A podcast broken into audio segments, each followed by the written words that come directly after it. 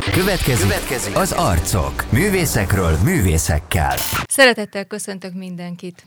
A Baptista Rádió Arcok című műsorában művészekről beszélgetek művészekkel. Murányi Kovács Anita vagyok. Ebben a műsorban a művészeti munkásság mögött rejlő emberről és az ő életútjáról beszélgetek. Van mindig két kérdésem, amelyet mindenkinek felteszek. Az egyik, hogy hogyan éli meg Isten vezetését a művészeti pályáján. A másik, hogyan gondolkozik a művészet és misszió kapcsolatáról. A mai vendégem Olá Gábor, a Baptista Központ énekkar karnagya. Nagy szeretettel köszöntelek, Gábor. Köszönöm szépen, én is nagyon sok szeretettel üdvözöllek téged is, és a hallgatókat is, és akkor csapjunk bele a beszélgetésbe. Hát nagyon köszönöm, hogy itt vagy a vonal végén, és beszélgetsz velem. Hogy vagy, és mostanában mivel foglalkozol? Köszönöm a kérdést. Hát, háttal nem kezdünk mondatot, mondta mindig az egyik magyar tanárnőm. Két, két irányú a, a válaszom. Az egyik az, hogy jól vagyunk, mhm. hála Istennek, bár nem könnyen, feleségemnek idős szülei több mint egy éve itt laknak nálunk, annyira belesettek már, és apósom, feleségem édesapja pedig pont egy másfél hónapja októberben ment el az örökké valóságba. Mm. Tehát tulajdonképpen nem könnyű, 24 órás szolgálat, ugye a mama még mm. itt van. Elsősorban őt terheli, de, de, de másodszorban meg, meg hát csak az egész családot, szóval e körül forog mindenünk. Ez az egyik mm. válaszom. A másik az, hogy egészség megvan, ugye mi kétszeresen vigyázunk arra, hogy még véletlenül se jöjjön ide semmilyen uh, vírus vagy uh-huh. betegség, tehát nem nagyon fogadunk, nem is tudunk senkit sem, mert, mert ugye ez a vírus, ez gonosz, és pont akkor lepi meg az embert, amikor a legkevésbé számítana rá. És hát ma már nagyon uh-huh. kell vigyázni. Ugye 94, ezt nem mondtam, 94 uh-huh. éves most a mama, méghozzá Szent Este napján tölti be, papa meg 95 éves elmúlt, úgyhogy ilyen gyönyörű szép kort értek már meg mind a ketten. Hát ez a, ez a hmm. családi életünkben levő hogy vagyra válasz. Egyébként meg hát szomorú vagyok, mert hmm. ugye a járvány miatt nem volt már február óta találkozásom a kórustársaimmal, nem tartottunk próbát, mert Igen. ugye mindenütt azt mondják, hogy a, a vírus ideje alatt a legnehezebb vagy a legfertőzőbb tevékenység az éneklés. Ugye ilyenkor uh-huh. sokkal több levegő hagyja el az embert, illetve oxigén hagyja el az ember idejét, ahol esetleg a kórokozók megbújnak, vagy a, uh-huh. a mhm. légzőrendszerében, uh-huh. és, és hát ugye az éneklés nem csak légzésből áll, hanem emocionális megnyilvánulásokból, tehát gondoljunk bele, hogy amikor kirándulunk, akkor mekkora erőfeszítésbe telik az, hogy az ember egy nagyot kiáltson előre szaradt szeretteinek, vagy ha bajban van és segítségét jár. Szóval sokkal nagyobb mértékben megmozgatja az éneklés az embernek a tüdejét és az egész légzőrendszerét, mint bármilyen más tevékenység. Hát maszkba én meg nem tudom elképzelni, Igen. hogy hogy énekeljünk, meg hát hála Istennek a központi énekkarnak a, a repertoáranyaga olyan, hogy, hogy én nem tartottam fontosnak, hogy most mihez kezdjünk hozzá, csak azért, hogy formálisan tartsuk próbákat uh-huh. online, hogy mit tanuljunk meg, próba, stb. stb. Kivárjuk türelmesen. Igen. Most ez van, tudomásul kell vennünk. Hát jó magam is tagja vagyok a Központi Igen. Baptista Énekkarnak, úgyhogy személyes megélésem is, hogy már mennyire hiányzik a, a zenei és Bocsász a közösségi meg egy, munka. egy dolgot hadd szúrjak közbe. A, ugye én levélben szoktam néha írni a kórustagoknak, Igen. és írtam, de válaszoltak is, hogy a van, akkor értékeljük fel, amikor nincs. Igen, szóval, igen. hogy milyen furcsa, amikor az ember természetesen éli meg azt, hogy bejön a próbára, hogy megy a szolgálatokra, nem is tűnik fel, hogy milyen nagyszerű dolog. Amikor elveszik tőle ezt a lehetőséget, akkor kezd egy kicsit szovorkodni. Hát nagyon remélem, hogy minél hamarabb újra elkezdhetjük a, a munkát, az együttlétet. Magam is tanúsítom, mint az imént elkezdtem már, hogy, hogy igen, nagyon hiányzik eh, a Baptista Központ Énekkarnak a közössége számomra is, és pontosan tudom, hogy a többi tag sincsen ezzel másként, úgyhogy remélem, hogy nagy lendülettel fogunk majd ismét a szolgálatra állni. Ugye én személyes tapasztalatom, hogy te énekkarvezetőként, karnagyként milyen rendkívüli állóképességgel rendelkezel és koncentrációval, hogy kimagaslóak a te szakmai ismereteid és a felkészültséged. Ugye hosszú évtizedekre nyúlik vissza ez a felkészülési munka. Most megkerülve a hagyományos menetrendet, most először azt kérdezem meg, tehát nem, nem a gyermekkorodról, vagy hogyan alakult ez ki benned, kérdeznélek, hanem az, ami engem mindig is foglalkoztat, és lehet, hogy ez úgy számodra fel sem tűnik karvezetőként, hogy én például mivel foglalkozom éppen egy kóruspróbán, de hogy rendkívül türelmes vagy, nagyon megértő, segítőkész és elfogadó velünk, az énekari tagokkal szemben, hogy karnagyként neked mekkora kihívás megtalálni minden egyes kórustaghoz az utat, mert neked ez sikerül.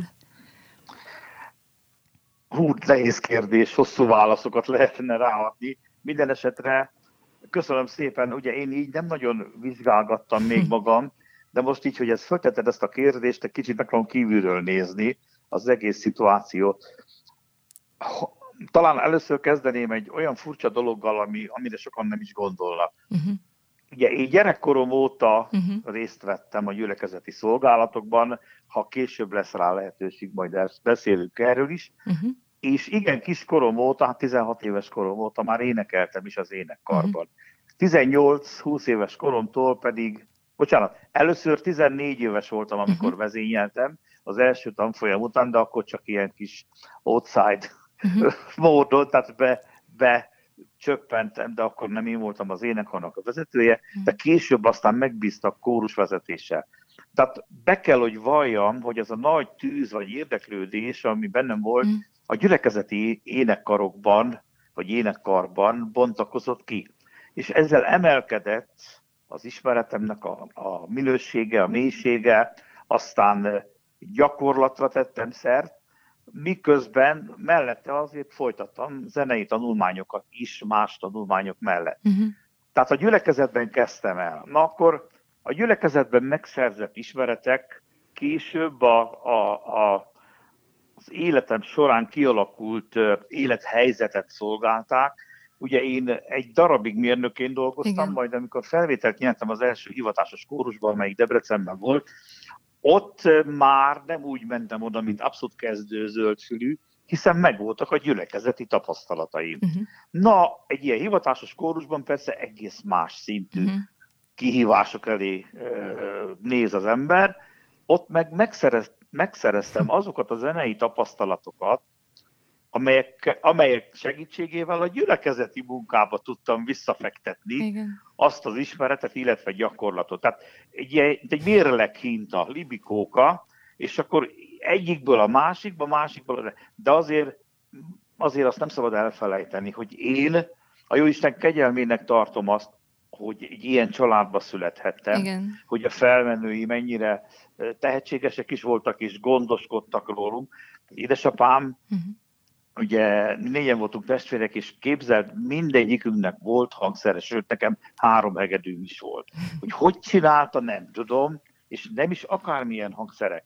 Az egyik, másik, a második testvérem az, az Lajos, az is hegedűs volt, a mhm. harmadik testvérem az Imre, az zongorát tanult, mhm. most ő Kanadában élő, nagyon Igen. neves orgonaművész.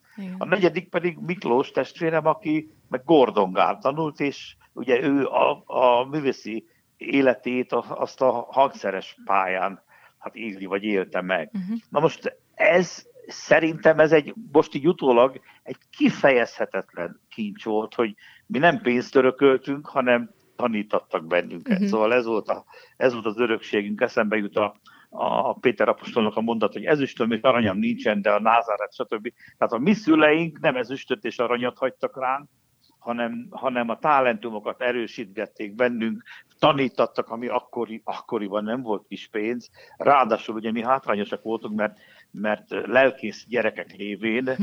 mindenütt kiszorultunk a, a bizonyos elői rendszerből. Hm. Na, így ez az egyik oldala. Tehát Igen. én tulajdonképpen a, az életem, a zenei életemnek a felerősödését azt a gyülekezetben kezdtem. Uh-huh.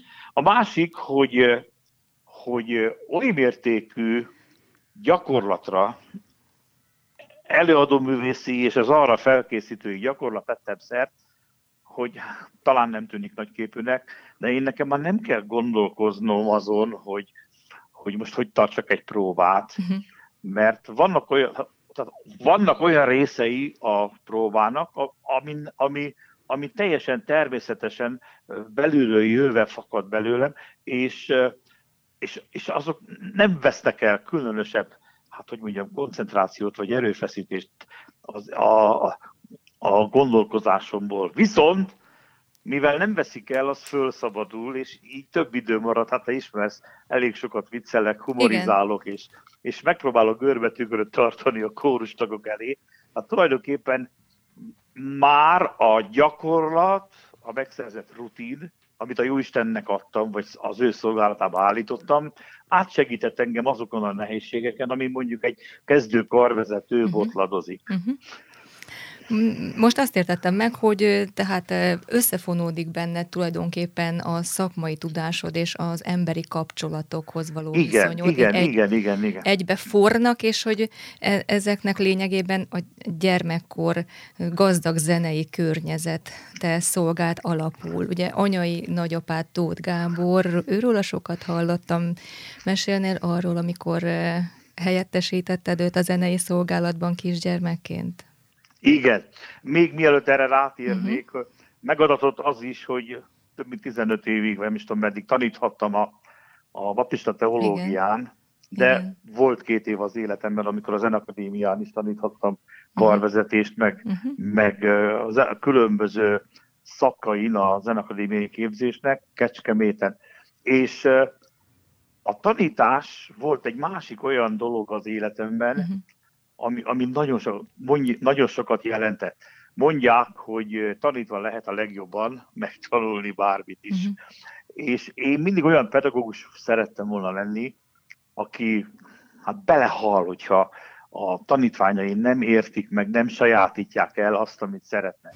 Tehát én addig pedáloztam, míg a leggyengébbnek tartott tanítványom is el nem érte azt a szintet, amire azt tudtam mondani, hogy jó. Uh-huh. Na visszatérve a kérdés első felére, ugye már érintettem a beszélgetésünk Igen. során, hogy a családom milyen zenei múltal rendelkezett, és hát nagyapám, én akkor hat éves elmúltam, ugye mi az imaháznál laktunk mindig, és akkor nagyapám elkezdett tanítani, akkor még nem volt meg a Beharka féle harmoniumiskola, hanem egy régi Stojanomicsnak hívták a szerzőjét, harmoniumiskolából tanított harmoniumozni, ugye meg kellett tanulnom a hangokat, meg kellett tanulnom skálázni, hármasagzat felbontások, és a többi, és a többi minden hangnemme. És egy esztendő után elintette a négy szólamú hithangjait, tehát a négy gyülekezeti népénekes könyvet, és nekem azt meg kellett most nyilvánvaló tanulni. Nyilvánvaló, hogy, hogy én azt akkor gyerekfejjel nem tudtam fölmérni, de nagyapámnak volt annyi gyakorlata uh-huh. vagy, vagy rutinja, hogy nem a legnehezebb énekekkel kezdett velem foglalkozni, Igen. és úgy szép lassan becserkéztük az egész énekeskönyvet. Uh-huh. És nem voltam még nyolc éves, amikor már a gyülekezeti istentiszteletre bedobtak a mélyvízbe, és bizony ott játszani kellett. Most először persze csak a hétközi istentiszteleteken, amikor nem volt akkor a nagy látogatottság, vagy vasárnap reggel csak az imaórákon, amikor még nem volt akkor a nagy látogatottság, Igen. aztán ugye már a, az istentiszteleti alkalmakon jött az igazi kántor, most így mondom, tehát a, a karvezető, vagy a zenei vezető a gyülekezetnek, és átvette tőlem. Ez nekem nem volt sértő, inkább megtisztelő kihívás volt. Megint ez a Hájó Kovács esete, hogy fogalmam se volt, hogy ez mekkora nagy dolog. Csak most, amikor így nagy zeneszerzőknek az életét olvasom, és hogy XY ekkor és akkor, meg amakkor már zenével foglalkozott, akkor úgy rádöbbenek, hogy én is.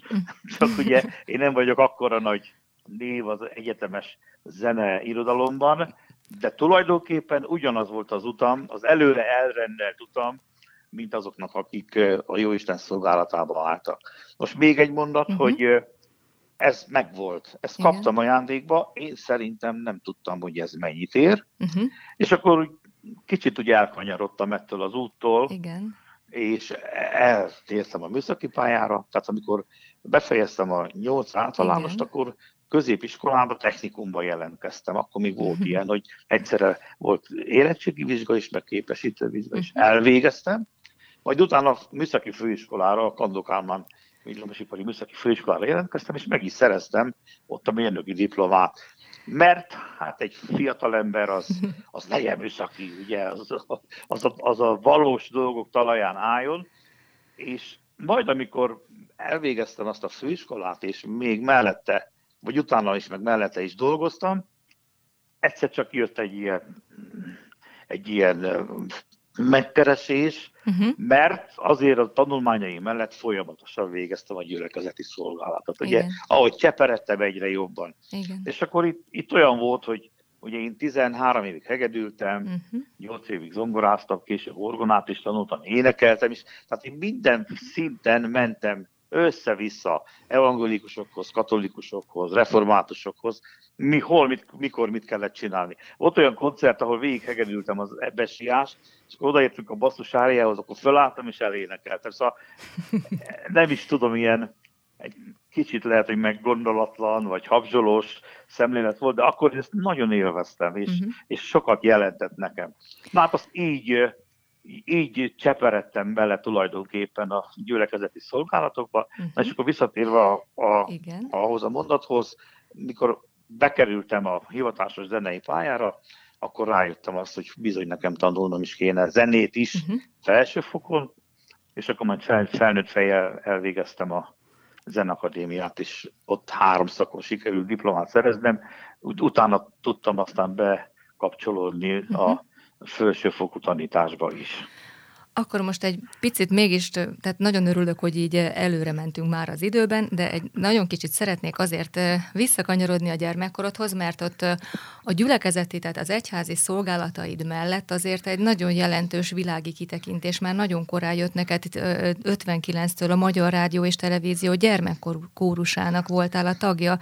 A, a, abban a közös, ezzel a közösséggel gyakorlatilag az egész világot bejártad, tehát hogy óriási tapasztalatra tehettél szert, és ez, ez viszont egy, egy világi vonal volt, ami gyakorlatilag végig is kísérte a művészeti pályádat. Most a gyermekkórusos éveidről kérdezlek, akkor történt veled egy, egy rendkívüli esemény, amikor a Pablo Casals cselló művész ja, és zeneszerző Jászol című oratóriumában a kis igen. Jézus szerepét énekelted. Katalán igen, igen, igen. Hogy kapcsoljuk az eddigi beszélgetésünkhöz, ugye mondtam, hogy a szüleim hogy támogatták, vagy segítették, hogy felfedezték bennünk ezt a lehetőséget, uh-huh. és képzeld el, vagy képzeljék el a kedves hallgatók, hogy 1965-ben, 64-ben, vagy 65-ben, nem tudom pontosan, uh-huh. kiment a gyermekkórus, meghívták először az első nagy japán turnéra, uh-huh.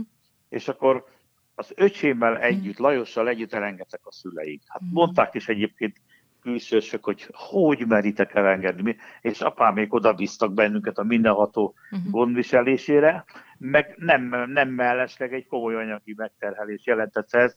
Gondold el, két gyerek, megfelelő ruházat, zoknitól kezdve alsó ruhán mhm. keresztül a felső ruházat, akkor megfelelő, hogy is mondjam, egymásra bíztak bennünket, ugye megfelelő gondoskodás, nem uh-huh. volt semmi. Én most így mai, mai szülői fejjel, ha végig gondolom, nem tudom, hogy én mertem volna uh-huh. egy ilyet csinálni, mert azért, ha történik velünk bármi, uh-huh. most nem akarom itt az ördögöt kísérteni, de lezuhan a repülő, vagy elsőjed a hajó, vagy valami olyan külső Ugye mi voltunk az első hm. csoport a 64-es olimpia után, ilyen nagy létszámú Igen. magyar csoport, amely kijutott Japánba. Uh-huh. És hát kint megint a gyerek. Uh-huh. Ugye kint 38 országban 48 koncertet adott a kórus. Két uh-huh. hónapig voltunk kint. Uh-huh. Hát az ez gondolható, Rengeteg. hogy volt olyan, hogy egy nap három koncert is volt. Igen. Délelőtt, dél, dél, kora délután, meg este minden különböző helyeken, iskolákban, különböző művelődési helyeken, esténként meg nagy koncertelnek be. Na most azért ez, ez, egy, ez egy komoly, komoly testi-lelki koncentrációt, vagy állóképességet kölcsönzött mindenkinek. Ugye mi versenyeztünk azon, gyerekek, hogy ki az, aki egyszer sem ájul el, akár az éjségtől, akár a fáradtságtól, szégyeltünk rosszul lenni. Most ezt nem mondta senki, de tényleg így, így inspiráltuk, vagy motiváltuk egymást. Uh-huh. Na és hát ezen a, a, a nagy turnén szereztünk hatalmas nagy tapasztalatokat, zenében, akkor látványban, hát gondolható, hogy egy ennyi városban, ugye föld Szapporótól, legészaki várostól, lett Dagosiba, a legdélebbi városig, minden, minden helyen megfordultunk. Tokió, Yokohama volt a centrum, ugye onnan indultunk, oda érkeztünk, megint indultunk, megint érkeztünk, és hát ugye az utazás Igen. gyereknek, a repülővel, uh-huh. végig az akkori Szovjetunión keresztül, ilyen nem tudom hány órás utak, átszállásokkal. Igen. Akkor Vladivostokból hajóval, Tokióval, szóval tengeren, hát ezt nem lehet, mese, mese ország volt. Igen. Na és akkor miközben ugye e, erre készültünk, azt hiszem, hogy ezelőtt volt még az általad említett Igen. élmény, Pablo a híres katalán csellóművész Pablo Casals, zeneszerző is volt, és egyszer jött Magyarországra, és hozta a Jászol című oratóriumát, és gyerekek, gyerekkórusból kértek gyerekszólistát, és tizen, tizen tanultuk meg a darabot, és próbát kellett énekelni az öregnek. Uh-huh. És hát ott mindegyikünk elénekelte, és akkor engem választott ki. Uh-huh.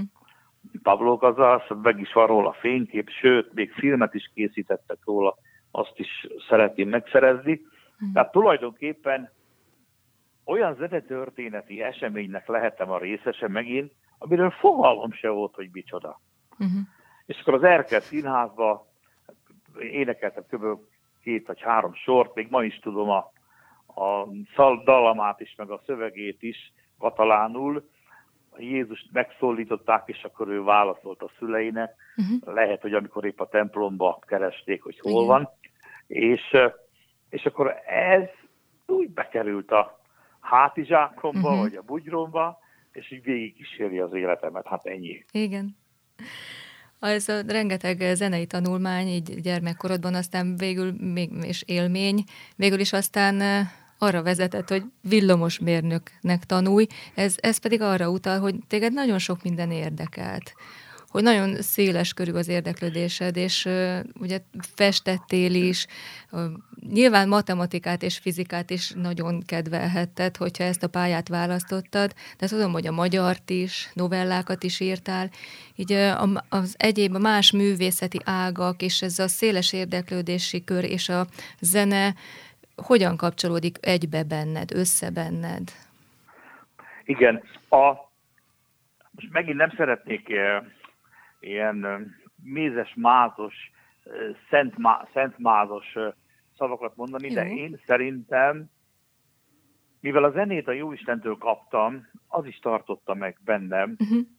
azt a fajta vonzódást, vagy, vagy kapcsolatkeresést a mindenható felé, uh-huh. ami, ami mai napig elkísért. Természetesen, mint kamasz gyerek, átestem én is sokféle uh-huh. uh, problémán, voltak bűneim, és a többi, és a többi, de 16 éves koromban sikerült ezeket észrevennem, meglátnom, megvallanom, és akkor megkeresztelkedtem. Na most visszatérve arra, hogy, hogy, hogy a, a művészetek iránti vágy, vagy szeretet, vagy képességrendszer, hogy hogy alakul. Hallottam egyszer egy híres művésztől, a Szegedi Molnár Gézától, aki a súlyos sérülést kapott a Bécsi repülőtéren, ahol terroristák lövöldöztek, és neki úgy tudom belefúródott egy golyó a gerincébe, és azóta mhm. tolókocsiban van, azt hiszem, hogy még él, nem tudom pontosan, mm. és ő mondta azt, hogy ha valakinek van valami köze a mhm. művészetek közül bármelyikhez, akkor a többihez is valahogy automatikusan van. Uh-huh, Csak igen. lehet, hogy nem olyan szinten. Uh-huh. Ugye én ezt nem tudtam, hogy ez mit jelent, de általános iskolás koromban novella, novella pályázaton indított a magyar tanárnő, és hát nagyon előkelő eredményt sikerült elérni. Az egyik rajzórán pedig a rajztanárunk zenét rakott fel Magnóra, és akkor azt mondta, tessék festeni. Igen. És a, most már tudom utólag, hogy a Liszt léprelűd volt az, és egy hatalmas hajótörést festettem, se előtte, se azóta, se, se utána, de az valahogy nagyon jól sikerült, hogy felszaladt a sziklákra, egy uh-huh. hajó, ugye, mint a Wagner bolygó uh-huh. Hollandiában, és tehát így ebből derült az ki, hogy, hogy, hogy tulajdonképpen volt valami affinitásom ezekkel irányába, de, de nem nagyon foglalkoztam vele részletesebben. Uh-huh. Verset még például soha nem írtam. Nem tudom miért. Tényleg, szóval, hogy ahhoz külön, vagy zenét sem szereztem.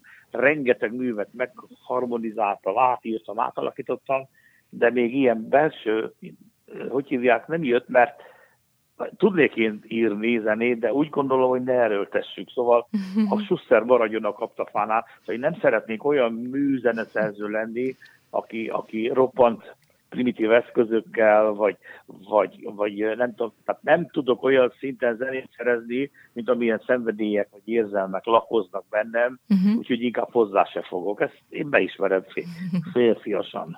Na és ez így alakította az életünket, vagy az életemet, és tulajdonképpen hát ez kísért végig. A matematikára és fizikára, hát világéletemben szerettem, nagyon szerettem. Uh-huh. Lehet, hogy ez is volt az egyik motiváció, hogy elindultam a mérnöki pályán. A, a legfontosabb határokon mindig jeles voltam belőlük. Magyarból meg akkor volt ilyen törvény a középiskolában, hogy ha valaki, mit tudom én, x évben háromszor vagy négyszer jelest kapott az évvégi bizonyítványban, akkor nem kellett írásbeli tenni. Uh-huh. Úgyhogy én megúsztam a magyar írásbelit például, mert, mert, mert ilyen eredmények voltak. Most ezeket, hogy kérdezed, most jönnek elő Igen. belőlem ezek az emlékek, hogy tényleg így van, hogy nem lehet szétválasztani ezt a komplex érdeklődési Igen. rendszert. Igen. Szeretnék veled beszélgetni egy kicsit a családodról, a családi életedről. A feleséged Ráduli Irén incike, és hogy emlékezzünk is meg arról, hogy az elején említetted, hogy eh, a közelmúltban veszítettétek el a apósodat Ráduli Emilt. Igen. Ezt ennyiben szerettem volna kitérni őre, és eh, Igen. a családi életeddel kapcsolatban pedig eh, hogyan tudtad, vagy hogyan hangoltátok össze a, a szolgálatot, a művészeti pályát a családi élettel? Ez is egy különleges dolog. Ugye mi a gyülekezetben ismerkedtünk össze, uh-huh. Apósom Debrecenben volt karmester, és amikor a mi családunk oda került, ugye édesapám lelkész volt, és oda hívták uh-huh. szolgálatra a 60-as évek közepén, akkor kerültem én is oda, és ott ismertem meg Incikét, de hát uh-huh. először csak jó barátok voltunk, uh-huh. ugye jó csellista volt, ő is uh-huh. zenét tanult, később konzervatóriumba ment énekszakra, uh-huh. majd a Zenakadémiára fölvették szintén énekszakra, nagy büszkeséggel mondom, hogy Réti Józsefnek volt a növendéke, a, egy nagy, nagyon jeles és híres énekesnő uh-huh. volt ő a, akkoriban. Igen. És tehát ő célzottan zenei pályára készült. Én meg célzottan műszaki pályára. Ugye én műszaki főiskolára jártam. És aztán később az élet úgy hozta, hogy ő befejezte azt a tevékenységét, és óvói, óvónői pályára ment, uh-huh. mert amikor megszületett az első fiúgyermekünk, ugye kiskorától egy betegség kísérte az ő életét, és hogy állandóan együtt lehessen vele, vagy ő együtt lehessen az anyukájával, elment egy óvodába dolgozni, akkor még képesítés ah. nélkül, uh-huh. és akkor az óvodai munka mellett elvégezte a felsőfogatot, egy óvó, óvó, a pedagógiai főiskolát, nem tudom, hogy hívták, tehát ő neki abból van diplomája, uh-huh. tehát ő, aki a zenére készült, ő elment óvónőnek, uh-huh. én, aki műszakira készültem, elmentem zenésznek, tehát így helyet cseréltünk, uh-huh. keresztbe vágtuk. Aztán csábították őt is nagyon, hogy jöjjön énekelni a Kodály kórusba, mert ismert volt a szép hangja. Uh-huh. Ugye a Gulyás György, aki már nincs köztünk, karmester úr, őt is, mint annak idején, mint, mint egy tanítványt, elhívta a Debreceni Kodály kórussal koncertezett. Uh-huh. Például a Kodály Missa Brevisben ő énekelt az alszólót akkoriban. Igen. És aztán mégis maradt a gyerek miatt a pályán, ő nagyon támogatta, vagy segítette az én pályafutásomat, vagy karrieremet, nem tudom, hogy hogy nevezzem. Uh-huh. A gyülekezetben pedig kezdettől fogva együtt muzsikáltunk. Uh-huh. Ha zenekar volt, akkor ő csellózott, én hegedültem, ha énekkar volt, akkor ő amelyik szólamba kellett ott énekelt, és aztán ahogy jöttek sorba a gyerekek, mindegyik valamilyen zenét tanult, és mindenki ott énekelt együtt velünk az énekkarban. Uh-huh. A fiam, aki sajnos azóta már nincs köztünk, Jóisten visszahívta magához, ő végzett énekművész volt, uh-huh. szintén ilyen réti nyúlvány, már hogy így mondom, mert a réti tanársegédje Könycsból Dizsár lett az ő professzora Igen. az akadémián, mikor már ő végzett, és hát így azért mondta a Réti tanár úr, hogy ő a családnak a, az ének tanára, mert feleségemet is tanította, helyettesítette Réti Józsefet, uh-huh. a fiamat ő diplomáztatta, és én mikor Budapestre kerültem a rádióhoz, őnek a, meg a rádiónak is egy külsős énektanára volt, én meg hozzájártam, úgyhogy hárman jártunk hozzá a családból a, uh-huh. az ének művészet területén. Igen, közben kimondtam Zsolt nevét, sajnos én nem ismertem őt, de nagyon sokat hallottam róla. Igen, És, igen. Van még két lányotok is. Igen, a, a lányaim azok aztán az élet normális vagy természetes útján mentek. A kicsi lányom a férhez ment, itthon, uh-huh. magyar férje van, Igen. hívő család. Uh-huh. A nagyobbik lányom meg, meg hát dolgozgatott, és akkor a kicsi lányom még több mint tizen, nem tudom hány éve, tíz éve kimentek Írországba dolgozni, mert itthon nem nagyon sikerült nekik az élet indítása, uh-huh. sok segítségre szorultak, uh-huh. és úgy döntöttek, hogy kimennek. Hát egy szülő mit tehet? Igen. Bólít egyet, és uh-huh. megáldja őket, hogy uh-huh. legyen jó neki. A nagyobb lányomnak is úgy alakultak itthon a munkakörülményei, hogy nem, szüntek az állásai, vagy megszűnt az állása, uh-huh. és gyerekek, a kisebbébe hívta, gyerek, Juditka, úgyhogy ő is kiment, egy évig ott lakott velük együtt, aztán kint megismerkedett egy ír fiatalemberrel, aki nagyon helyes hívő emberke, és, és akkor ő tulajdonképpen ott kint kötött házasságot, mert ő is már négy-öt éve azt hiszem a férnél van. Uh-huh. Na most a legnagyobb boldogság éppen most történt, az uh-huh. elmúlt esztendőben a Covid, meg hát ugye az öregek itt léte mellett, uh-huh. Hát jött egy új jövevény a családba. Ah. A kisebbik lányoméknál Igen. megszületett a kislányunoka. Uh-huh. Hát ilyen tündéri uh-huh. gyereket még nem láttam. Persze tudom, minden nagyszülőnek hazafele hajlik a keze, tehát értelmes, szép, okos, minden. Szóval, és hát mi még csak online nagymamák igen, vagyunk, igen, meg, igen. meg csak így viszont meg kell, hogy mondjam, hogy számunkra nagyon ö, megtisztelő, hogy a gyermekeink minden nap többször is fölhívnak bennünket, és, és kis, kis Emily, majd elmondom a nevét is, hogy hogy kapta, már nézi a telefont, amikor majd anyja mondja, hogy hív fölhívjuk alá, és akkor amikor meglátja incikét, akkor már vigyorog, fülig ér a szája. Most volt ki, tegnap, mi van ma, ma nyolcadika van? Igen. Uh-huh. Tegnap hetedikén volt, nyolc hónapos. És hát a gyerekek, ezt nem tudtuk, hogy így lesz, ők döntöttek így, már úgy a gyerekek, hogy a, a vőm és a lányom, Igen. hogy a kislánynak két nevet adtak, az egyik az Emily, uh-huh. a másik pedig az, hogy Irene, Irene, ugye, a nagypapára és a nagymamára uh-huh. em, adtak emléket igen, ezzel igen. a két nével. Hát úgy meghatódtunk hát ezen, hogy uh-huh. nem, tehát ők így próbálják tisztelni, vagy emlékezni, így próbálnak emlékezni a nagyszülőkre. Hát ez van velük most. Ez nagyon szép. Gábor, el, el kell jutnunk ahhoz a két kérdéshez, amit az a legelején említettem, a, az mindenkitől meg szoktam kérdezni, akivel beszélgetek. A művészet és a misszió kapcsolatáról hogyan gondolkodsz? Ez az első. Igen.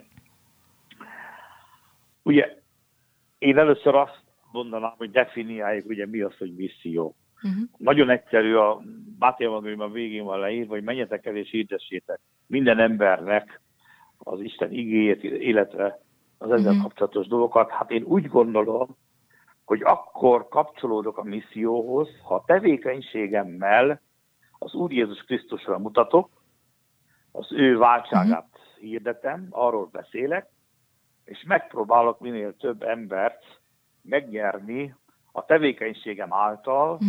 az ő követésére. Én, én így élem igen, meg igen. gyakorlatban, hogy nekem mi a misszió. Uh-huh. Na most a, a művészet pedig, hát benne hordja a szó önmagában, hogy az, hogy művészet, az valami olyan típusú szintet jelent, olyan típusú egészet jelent, vagy teljes bedobást jelent a művész részéről, uh-huh. ami, ami önmagához képest is, meg talán a környezetéhez képest is kiugró tevékenység. Uh-huh. Na most ennek több oldala van, vagy visszaütője is lehet. Az egyik, egyik oldala az, hogy önmagamhoz képest. Tehát én bóvlival, uh-huh. értéktelennel nem csaphatom be a Jóistent, meg a hallgatókat sem, uh-huh. és azt mondom, hogy na kérem, ez művészet. Egy csodát. Művészet akkor lesz, hogyha olyan szintre tud emelkedni az elővezetése, ami méltó a jó Istenhez. Na most uh-huh. itt jön a másik, hogy mi az, hogy méltó? Uh-huh. Hát az, hogy az ő általa meghatározott parancsot teljesített. Tehát közérthetőnek kell lennie minden embernek, az egyszerűtől a legmagasabb a képzeti érthetőnek kell lennie, elérhetőnek kell lennie, meg kell, hogy pendítsen valamit a lelkében, uh-huh. tehát olyan típusú ö, hatásokat kell kifejteni, ami, ami kiűzi azokat az akadályokat vagy gátakat az emberből, ami elzárná a jó Istentől. Uh-huh. Hát én így élem ezt meg. Na uh-huh. most, hogy, hogy mi az, hogy, hogy szépet, jót, tökéleteset, hol, úgyse tudunk, hát uh-huh. hol vagyunk mi attól, hogy tökéletes. De ugye Malakiás profétában van egy ilyen, azt a második fejezetben egy ilyen megjegyzés, hogy a három lábút hozod nekem, aki Igen. teremtettem a négy lábút is, mert rá akarod mondani a betegre, hogy, hogy egészséges? Uh-huh.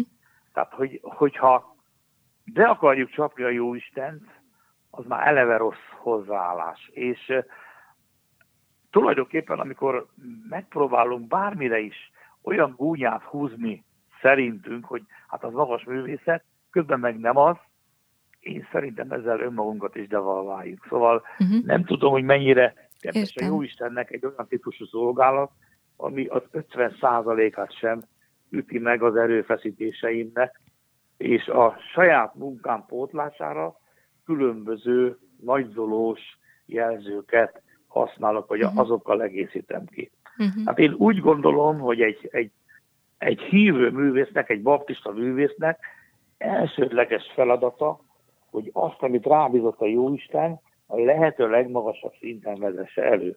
Na most mi az, amit rám bízott a Jóisten? Uh-huh. Hát bármi az ő életével, teremtő erejével, Jézus Krisztus halálával, feltámadásával, az élet legnehezebb dolgaival, vagy egyszerű dolgaival foglalkozó üzenet uh-huh. átadása. Uh-huh. Hát, hogyha bármit csinálunk, és a benne levő üzenetet nem továbbjuk, nem továbbítjuk az üzenethez méltó szinten, akkor tulajdonképpen dolgozunk, dolgozunk, dolgozunk, de minek? Uh-huh. Nem szeretnék ilyen ítéletet mondani saját magamra, de ugye van a Bibliában egy félelmetes mondat, hogy tehát a te nevedben csináltunk ezt, azt, azt, uh-huh. ugye? És akkor legyint egyet az Úr Jézus, hogy nem ismerlek titeket. Isten óvjon bennünket ettől az állapottól, de ennek a, a megteremtői, vagy szerzői, vagy okozói csak mi magunk lehetünk. Uh-huh. Tehát tulajdonképpen állandó önvizsgálat és kontroll mellett bibliai, lelki ima kontroll mellett lehet ezeket a dolgokat csinálni. Uh-huh. Nagyon veszélyes ez a mesdje, uh-huh.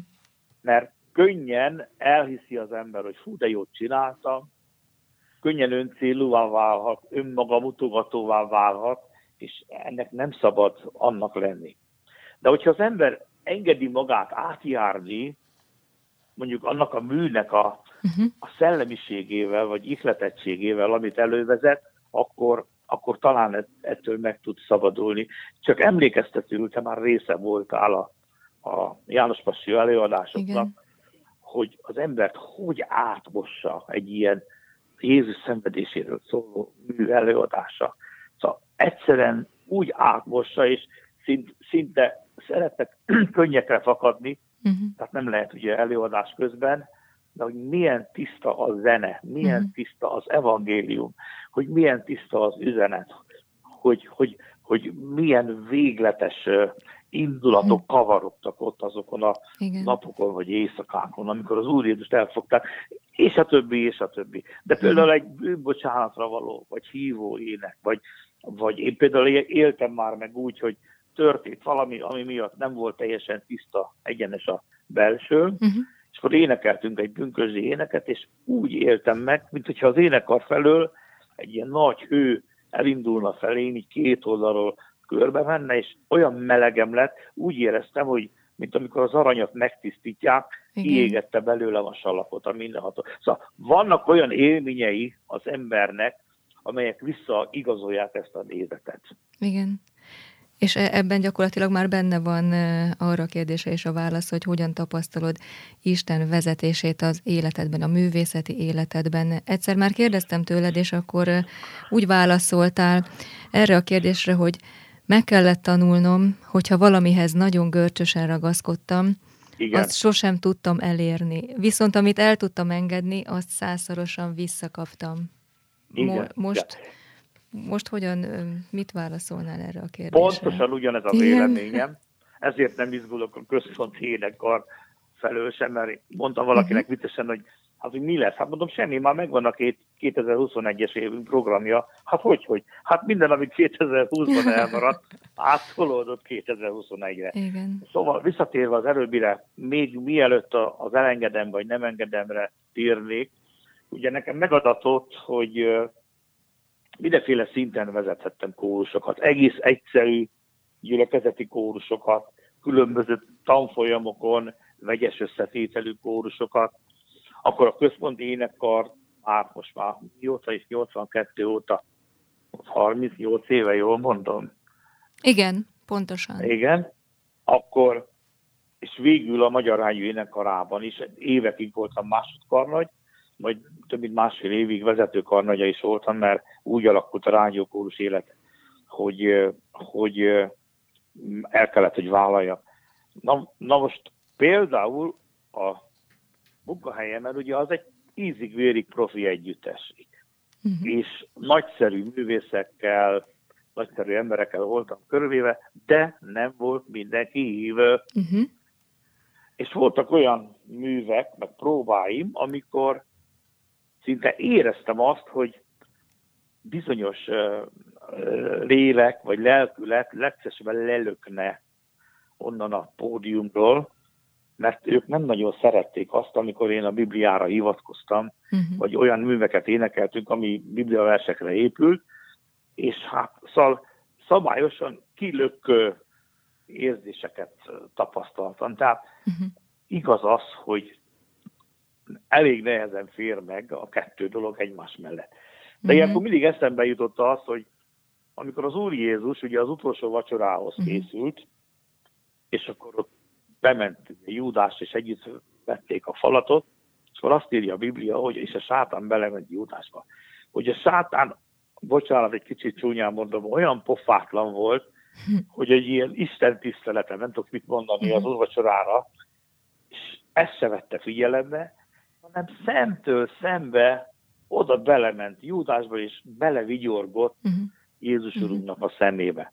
És az Úr Jézus mérhetetlen nagy fenséggel és, és szeretettel és türelemmel elviselte. Annyit mondott, hogy na menj, akkor tedd meg azt, amit akarsz, gyorsan, uh-huh. kirohant Júdás. Tehát, hogy Igen. nehogy azt higgyük, hogy nem olálkodik körülöttünk uh-huh. az ördög, illetve az, az a szellemiség, és mennél magasabb szinten, vagy mennél, mennél kiemelkedőbb lelki tevékenységet folytasz, annál jobban támad. Uh-huh. Most persze elején mondták azt, hogy ha valami jól megy, akkor az ördögnek az nem tetszik, és rögtön bele akar avatkozni. Hát ilyen szempontból egyrészt rossz, másrészt meg valahol dicsérő is az ő támadása, mert ha nem bír minket elviselni, akkor megpróbál minket elveszejteni. Szóval azért ez valahol az embert visszaigazolja a tevékenységében. A másik, hogy, hogy nagyon el kell, ezt említettem félig, el kell mélyülni azoknak az énekeknek a belső tartalmával, amiket előadunk. Na most itt jön a, a tanulás megint, meg a tudás, ugye. Uh-huh. Miért tanultam én olyan sok évig zenét? Hát, hogy fölfedezzem azt, hogy bizonyos zenei eszközökkel mit akar elérni a zeneszerző. Uh-huh. Most nyilván, hogy eléri azt ő akkor is, ha nem tudom megmagyarázni, vagy nem tudom megfejteni, de mennyivel jobb, hogyha az előadó művész pontosan el tudja uh-huh. mondani saját magának is, meg a hallgatóknak is, hogy ez miért ilyen hatással van ránk. Uh-huh. És akkor rájövünk azoknak a zenei eszközöknek a használati kulcsaira, amelyeket megtanultunk, de úgy teljesen külön megtanultuk a művettől, teljesen külön megtanultuk az élettől, és akkor most egyszer csak hoppá, összefüggésbe került a, a zeneművészet, az egyetemes zeneirodalom, mm. az egyházi zeneirodalom, a, a szolgálat, a szolgálatoknak a mélysége, a szolgálatok tartalma, és azoknak, a, azoknak az üzeneteknek a továbbítása.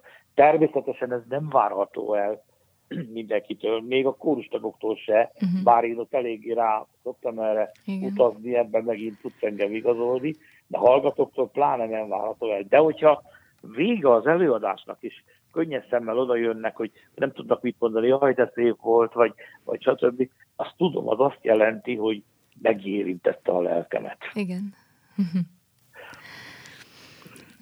Köszönöm, Gábor. Hát azt értettem meg, hogy ne csak énekeljük, hanem értsük is a darabokat, és hogy nagy reményem van abban, és bizadalmam, hogy hamarosan tudjuk folytatni a munkát a Központi Baptista énekarral.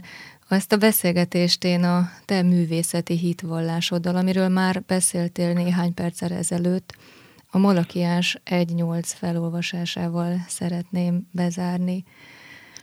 Mert vak állatot hoztok áldozatul, és nem tartjátok rossznak. Sántát vagy bénát hoztok, és nem tartjátok rossznak. De vidd csak azt a helytartódnak. Kegyes lesz-e hozzád, és szívesen fogad el. Nagyon köszönöm, hogy beszélgettél velem, Gábor. Hát köszönöm én is a, a, a lehetőséget.